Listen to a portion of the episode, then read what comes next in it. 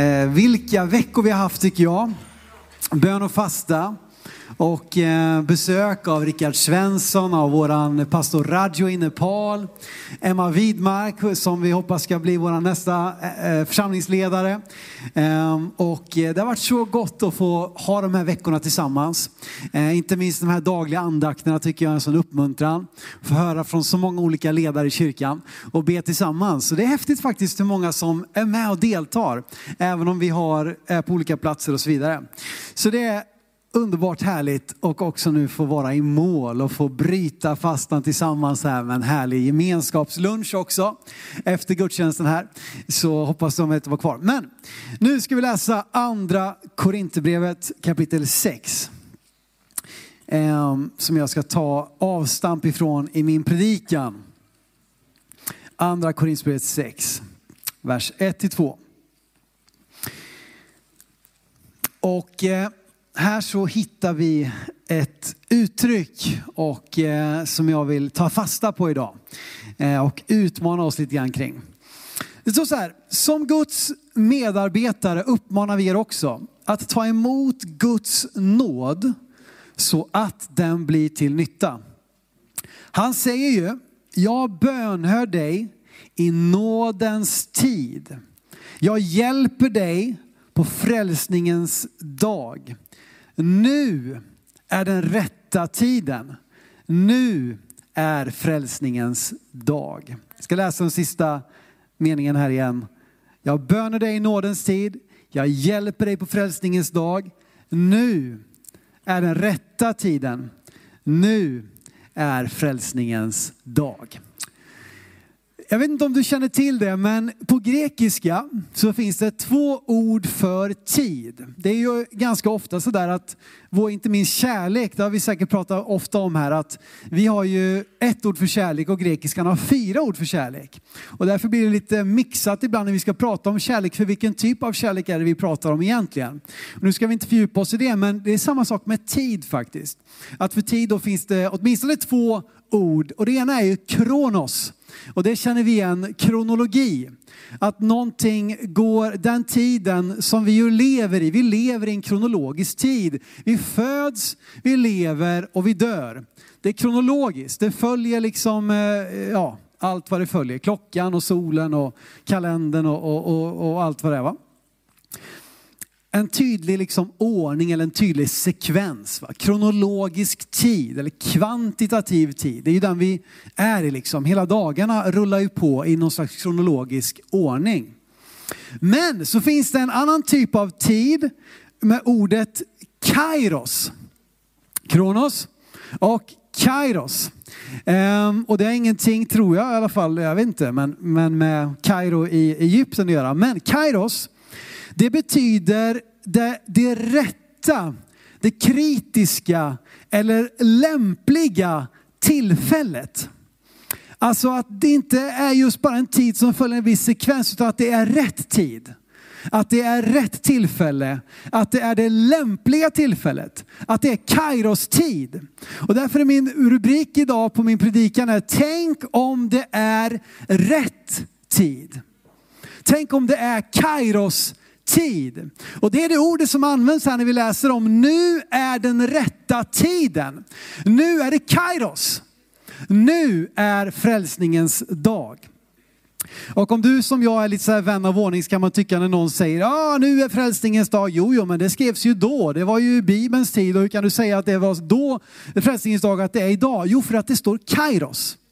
Det står kairos. Och från den dagen att Jesus dog på korset, besegrade döden, övervann synden och uppstod på den tredje dagen så är det rätt tid för frälsning. Det är Kairos tid för frälsning. Vet du vad? Varje dag är en bra dag att bli frälst. Varje dag är rätt dag att bli frälst. Nu lever vi i nådens tid. Vi lever i frälsningens dag. Eh, och det är alltid rätt tid att bli frälst. Det är härligt att slå fast det. Så du kan fortsätta frimodigt säga, idag är frälsningens dag. Därför att idag är det Kairos tid att bli frälst. Det är rätt tid att bli frälst. Det är den lämpliga, den kritiska tiden att bli frälst. Och det är faktiskt så att väldigt ofta när det används ordet tid i Nya Testamentet så står det just kairos. Det står kairos, nu är det rätt tid. Nu är det kritisk tid, nu är det lämplig tid, ögonblicket eller rätt tillfälle. Eh, och, eh, och det tycker jag är en spännande tanke. Nu är frälsningens dag. Och eh, den här sista månaden har jag haft ett par upplevelser av att det bara händer.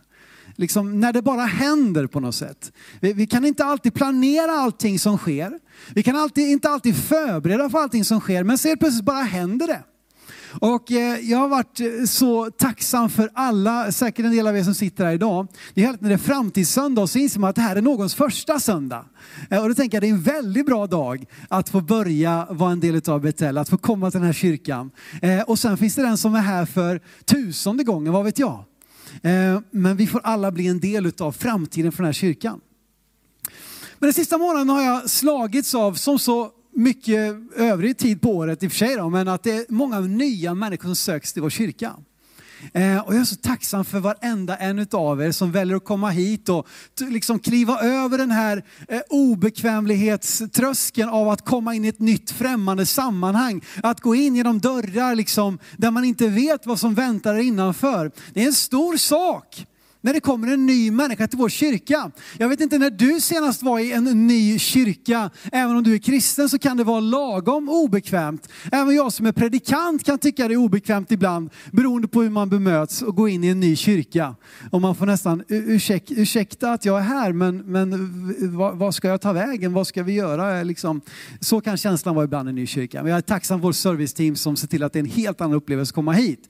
Men vi ska inte förringa, vi ska inte ta för givet att människor kommer hit som är nya i vårt sammanhang.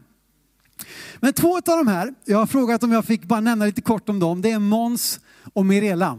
Måns han är med och tjänar i team idag första gången eh, och det är vi så glada för. Och han döptes här på nyårsdagen.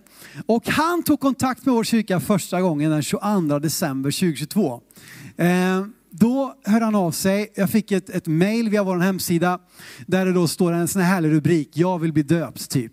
Och sådana mail är jag väldigt snabb på att svara och ringa. Och så jag ringde upp, eh, ringde upp Måns och vi fick träffas under mellandagarna. Och jag bara märkte, jag bara slogs av hur redo han var att ta ett nästa steg med Jesus. Under ett års tid har han själv liksom sökt Gud, eh, skannat YouTube, läst Bibeln, bett, funderat, fått en egen tro. Och till slut då, i allt det här youtubandet så trillade han in på våran kyrkas kanal här under hösten och började följa oss, började följa oss på Instagram, kolla in vår hemsida och kände, ja det där är en kyrka jag vill bli en del av. Var på han då ta kontakt och det var så uppenbart att han var redo att bli döpt så vi fick ha dop här redan på nyårsdagen. Ehm, och en annan person heter Mirela. Jag tror att hon skrev precis före nyår något liknande mejl. Mailrubriken var ungefär så här. Jag vill börja ta min tro på allvar. Sådana mejl gillar man också att få. Eh, och så var det en lång, eller en lång, men en ordentlig text som beskrev hennes resa, hennes längtan. Eh, som, och båda de här två kommer inte från någon som helst kyrklig bakgrund. Eh, utan liksom har själva börjat söka Gud. Eh, och jag fick sätta henne i kontakt med Matilda och nästa söndag ska hon bli döpt. Eh, och det är vi så tacksamma för.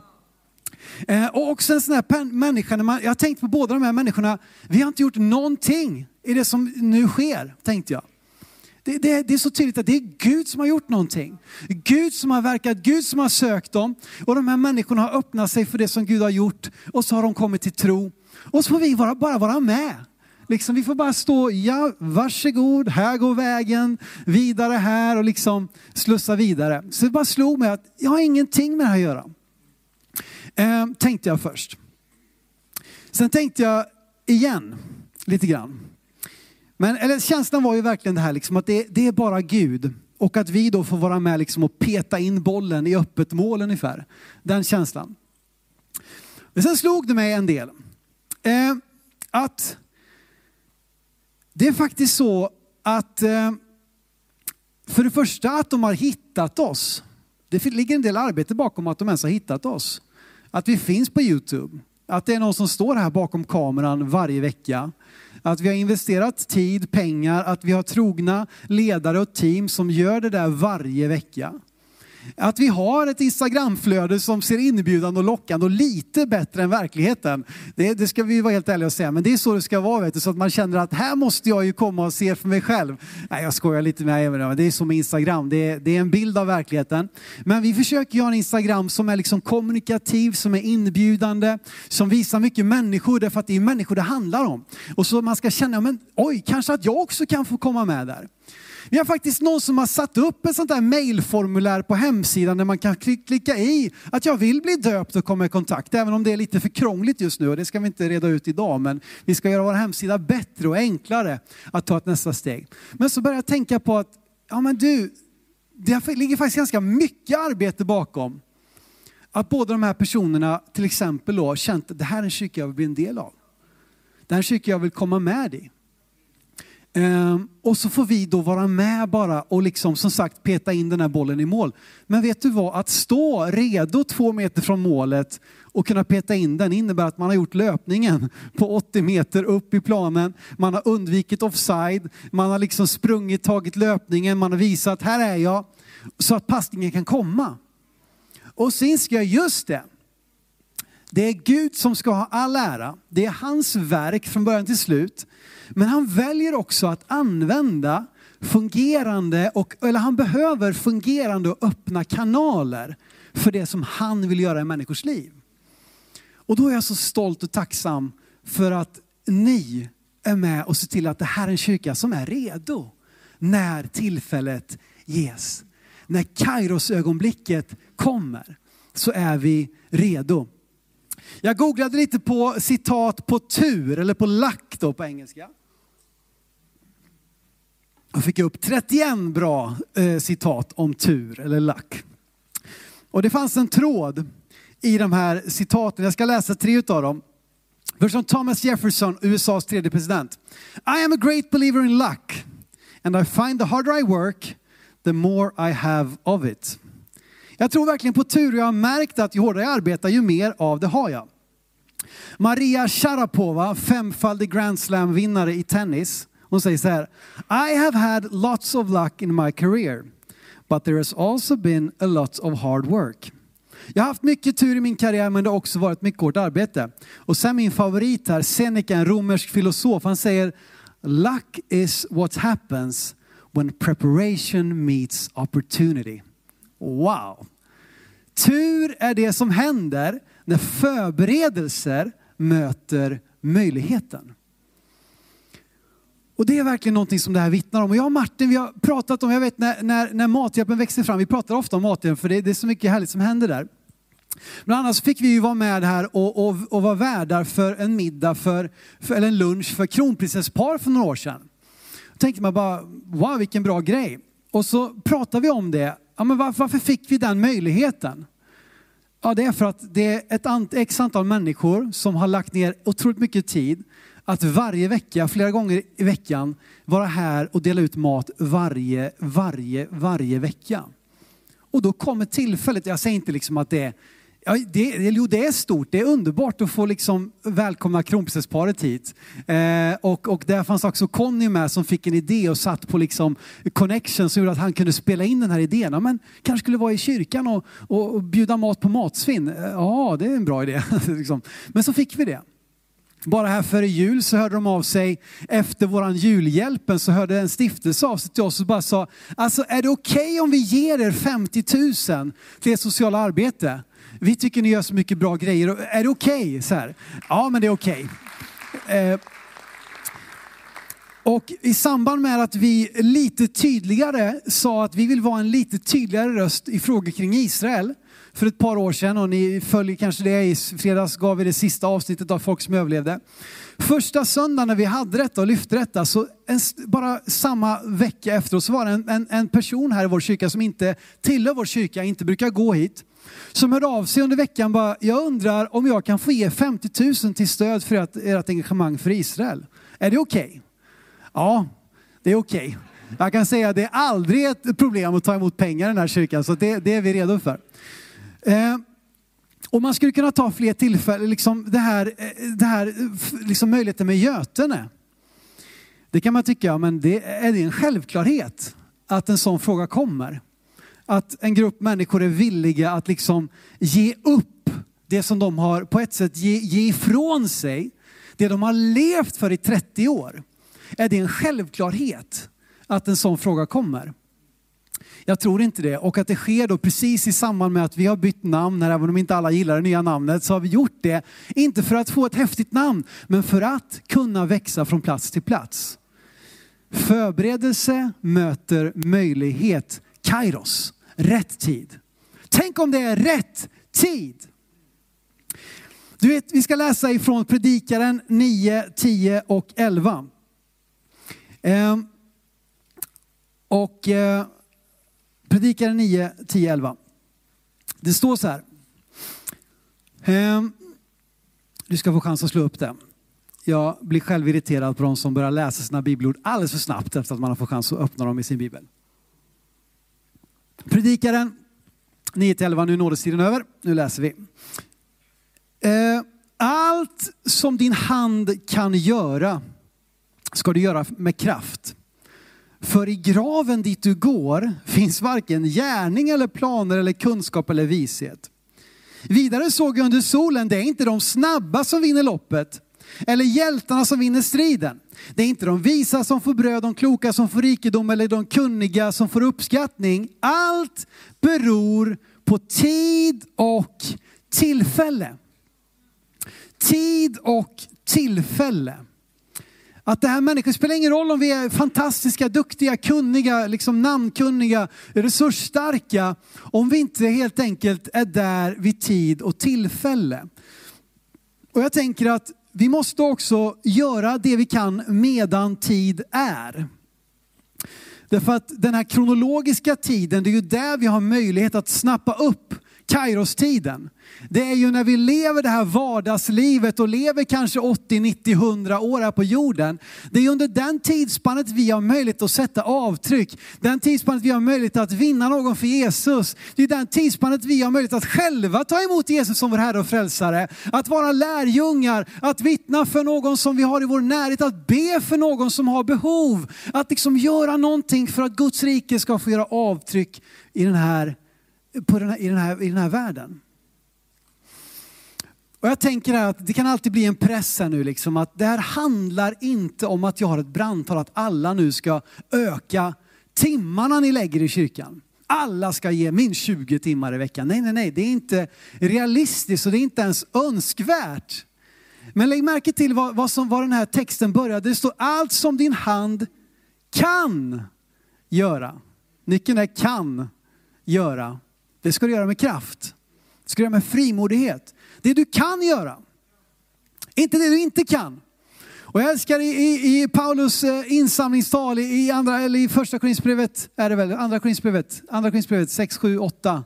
Eh, och där står det där att, att du bedöms inte efter vad du inte har. Utan liksom, du bedöms ju efter vad du har.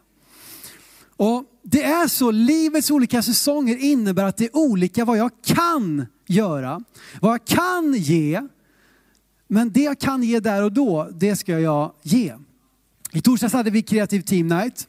Och vi fick berätta någonting, det kan vara värt att säga det också, men att Emil Blå, vår fantastiska huvudledare för vårt kreativa team, under en tid nu eh, kommer att kliva av från ledarskap i det här teamet. Och eh, det har inte att göra med att han är besviken, arg, liksom, det är ingen konflikt som ligger bakom det, utan det är bara att han är på väg in i en tid nu. Han ska bli tvåbarnsfar, de har köpt eh, hus, han har stort ansvar på sitt arbete. Och han har insett att jag går in i en säsong nu när jag inte kan ge precis samma sak som jag gjort de här sista åren. Och då vill jag hellre ta ansvar för att kunna lämna över på ett, på ett sunt och på ett, på ett moget sätt så att andra kan ta vid och att jag också kan fortsätta vara med på det sättet som jag nu kan.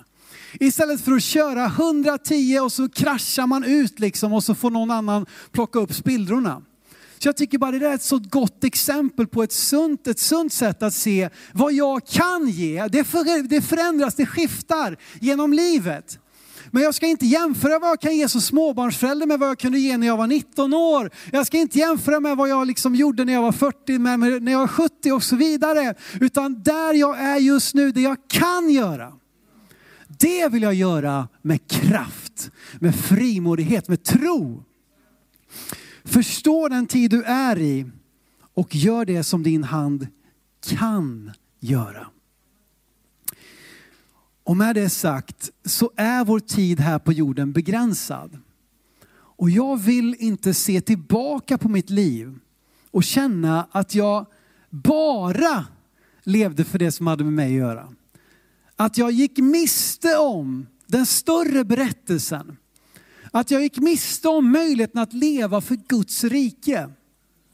Och det sättet jag gör det på kommer vara annorlunda än hur du gör det på. Men vi kan ha samma hjärta. Vi kan ha samma, vi pratar ibland om att det handlar inte om att ge eller göra samma sak, men att göra det med samma uppoffring. Och uppoffringen kommer se helt olika ut. Jag menar, tänk på den som precis blivit frälst. Det måste vara skilja sig åt mot den som har kanske levt med Herren i hela sitt liv, eller 20, 30, 40 år. Vi är olika, men där vi är så kan vi få ta tiden och tillfället. De som vinner i längden är de som förstår tid och tillfälle och är redo när tillfället ges. För några år sedan här så, så hade vi en process som landade i att jag eh, att jag och Sven Bengt som var tidigare föreståndare växlade roller. Och lite senare så flyttade han och Sven vidare till eh, Nybro där de är pastorer nu. Och lite senare i mars så kommer Sven hit och predikar. Det ska bli jättekul att få ha honom tillbaka, så det har vi något att se fram emot. Men i det här samtalet så har jag alltid upplevt, både under Christer Thornberg eh, och under eh, med, samarbete med Sven Bengtsson och med församlingsledningen, så har jag alltid känt ett otroligt eh, förtroende att få, få agera, att få testa, att få, få misslyckas, att få lyckas. Jag har känt att det har varit sånt stort förtroende, det är jag så, det är jag så tacksam för. Men det kom också till en punkt där när jag kände att om jag får mer plats här nu, då, blir, då börjar det bli liksom, det blir inte riktigt bra här. Det blir otydligt. Vem är det som då är föreståndare? Och jag tror på, jag tror på tydlighet, jag tror på tydligt ledarskap, jag tror på att vi har tydliga roller. Och vi kände jag och Karo där när vi, eh, jag fyllde 30 och vi fick vår första barn att äh, men nu är det dags för oss att ta en större tugga, att ta ett större ansvar. Och vi sa det till Sven eh, och Vicky, eh, att vi, vi säger inte när och var och hur det ska ske, men att vi är redo att ta nästa steg i, i vår liksom tjänst och vår vandring med Gud. Och vi vill ge goda förutsättningar för att det ska kunna ske på så bra och så sunt och på liksom, i rätt, rätt timing helt enkelt, i rätt Kairos tid. Men att det skulle ske var vi ganska trygga med. Och Sven kom tillbaka, ni har säkert hört en del av detta, men Sven kom tillbaka, men tänk om, om det skulle kunna ske här. Tänk om vi kan skifta roller. Så tog vi detta till församlingsledningen, som tog detta till församlingen, som tog detta till sina hjärtan. Och så skedde växlingen eh, i augusti 2019. Och vi levde med det här med stafettväxlingen. Jag vet att Sven pratade om det. Med stafettväxling, när du springer stafett, stafettlopp. Det finns en viss lucka när växlingen kan ske. Du kan inte växa för tidigt. Du är inte framme liksom i växlingsfasen. Men du kan verkligen inte växa för sent. För då, då är det för sent. Utan det finns en öppning, det finns ett fönster. Jag vet att vi pratade om det och Sven inte minst nämnde det att det finns ett fönster här nu. Det här fönstret var inte här för tre år sedan och om tre år sedan kanske det är för sent men nu finns det ett fönster för växling. Eh, och genom eh, generositet och genom goda processer så, så, tog vi det fönstret. Jag säger inte det här för att lyfta fram mig själva, jag hoppas ni förstår det. Men det handlar om att leva med Guds timing, leva med Guds tillfälle. Vi ser ett jätteproblem i kyrkor idag att man inte växlade för 10, 20, 30 år sedan. Och idag så sitter man en åldrande, krympande skara med, med, med, med tuffa framtidsutsikter. För att alla de som kunde ta vid, de har redan dratt vidare och byggt något eget, byggt något annat på en annan plats. För att de fick inte möjligheten när de var redo att ta den. Ehm, tid och tillfälle. I det här dygnet vi hade med, med Jim Tomberlin, heter han, från USA, eh, om det här med att vara en kyrka på flera platser och att slå samman kyrkor. Vår bild av att slå samman kyrkor är att två kämpande kyrkor slås samman för att överleva. Eh, och eh, efter några år så är de lika stora som den största kyrkan var, eller i värsta fall så, så dör de senare. Det är bara helt krasst så är det liksom den bilden vi har med oss. Men vad man ser i, i det här som är en mycket större rörelse i USA, eh, och som jag verkligen tror är det som ligger framför även för Skandinavien, är att om en kämpande mindre kyrka kan kopplas, eller mindre, men en kämpande kyrka kan kopplas samman med en hälsosam kyrka, ja då kan vi se istället att den börjar blomstra och få nytt liv. De pratar att församlingsplanteringar som är helt autonoma, alltså helt självständiga, har eh, i alla fall i USA då, jag tror det är väldigt liknande i Sverige, 80 procent som misslyckas. Det är ju väldigt liknande tror jag startups inom företagsvärlden. Eh, 80 procent give and take, alltså ge och ta, överlever inte de första två, tre, fem åren. Och det är nog ganska naturligt att starta någonting nytt. Det är inte alls säkert att det går. Betyder det att vi inte ska starta något nytt? Nej, men vi måste inse att det, det finns en risk medförd. Vad de har sett med den här typen av rörelser där man istället talar om en kyrka på flera platser, som ju handlar om att göra kyrkan lokal, att komma närmare människor. Då ser man istället en 90-procentig success rate. Alltså 90 procent av de nyplanteringarna då av nya platser eller där en, en, en kämpande kyrka kopplas samman med en hälsosam kyrka, då ser man att 90 procent av dem överlever istället för att 80 procent misslyckas. Vad ska vi satsa på? Ja, vi ska förmodligen satsa på, på alltihopa. Men, och han sa i alla fall så här på tal om om tid och tillfälle så pratar han om att deras snitt när det kommer till den här processen där en kyrka slås samman med en annan. Snitten från att konversationen inleds till att det är ett färdigt faktum är åtta månader. Det är liksom deras snitt i det här. Eh, vissa som upplever att saker och ting går snabbt. Eh, och jag vill ha respekt för det. Vi, vi utvärderar hela tiden vad vi kan göra för att skapa bättre delaktighet, hur vi kan liksom ge ett tydligare underlag. Och vi vill vara läraktiga i det, vi vill ta till oss kritiken för den som känner att vi har inte fått veta tillräckligt mycket i tillräcklig tid. Men jag vill också säga att tid, och det här, nu vill jag citera Jim Tomberlin, tid kan döda tillfället. För mycket tid kan döda tillfället. Vi kan missa luckan, vi kan missa växlingstillfället. Och så lämnar det istället, du vet för att osäkerhet det skapar limbo osäkerhet, då vet vi inte, ja, vad ska vi göra? Ska vi committa? Ska vi inte committa? Ska jag satsa? Ska jag inte satsa? Det vet man inte så länge framtiden är oviss. Så bara som en, som en, liten, en liten grej. Jag ska citera Dan Salomonsson också, han är föreståndare i Uppsala och jag vet att det här provocerar en del, men han sa så här. Om det är rätt så kan det väl inte gå för snabbt. Ni förstår att jag tog det till mig och tatuerade på underarmen här direkt veckan efter. Nej, jag gjorde inte det. Jag ska visa. Det är helt rent. Jag brukar citera Judas Smith. Han säger att you don't put a bumper stick around a Bentley. Eh, ja. Man sätter inget klistermärke på en Bentley. Ja. Så är det. Vi ska läsa nu Apostlagärningarna 16. Apostlagärningarna 16 och vers 6 till 10 ska vi läsa om apostlarna här. Paulus och hans team är ute på Paulus andra missionsresa och vi läser. Sedan tog de vägen genom Frygien och Galatien eftersom de blev hindrade av den helige ande från att förkunna ordet i Asien. När de nådde Mysien försökte de ta sig till Betynien, men det tillät inte Jesu ande. Då reste de genom Mysien ner till Troas. På natten såg Paulus en syn där en makedonier stod och vädjade till honom, kom över till Makedonien och hjälp oss. När han sett denna syn försökte vi genast ta oss vidare till Makedonien eftersom vi förstod att Gud hade kallat oss att förkunna evangeliet för dem. Paulus andra missionsresa. Eh, och jag har bara en, en, en tanke här om att de var i rörelse. Jag tror det är en sån viktig del för att Gud ska kunna leda, att vara i rörelse. Har du någon gång försökt att styra en bil som står still? Eller en båt som står still? Det är inte så lätt. Det är förmodligen omöjligt. Eller visst, du kan rikta hjulen. Men, och det går trögt också att dra i ratten när man står still. Är man i rörelse så går det mycket lättare att svänga och eh, rent av ibland göra en U-sväng och vända tillbaka för att man körde fel. Eh, och för mig som pastor och för oss som församlingsledning så tänker jag att det är vårt uppdrag och rent av vårt ansvar att vara fokuserade på, på rätt tid. Alltså det rätta, kritiska eller lämpliga tillfället.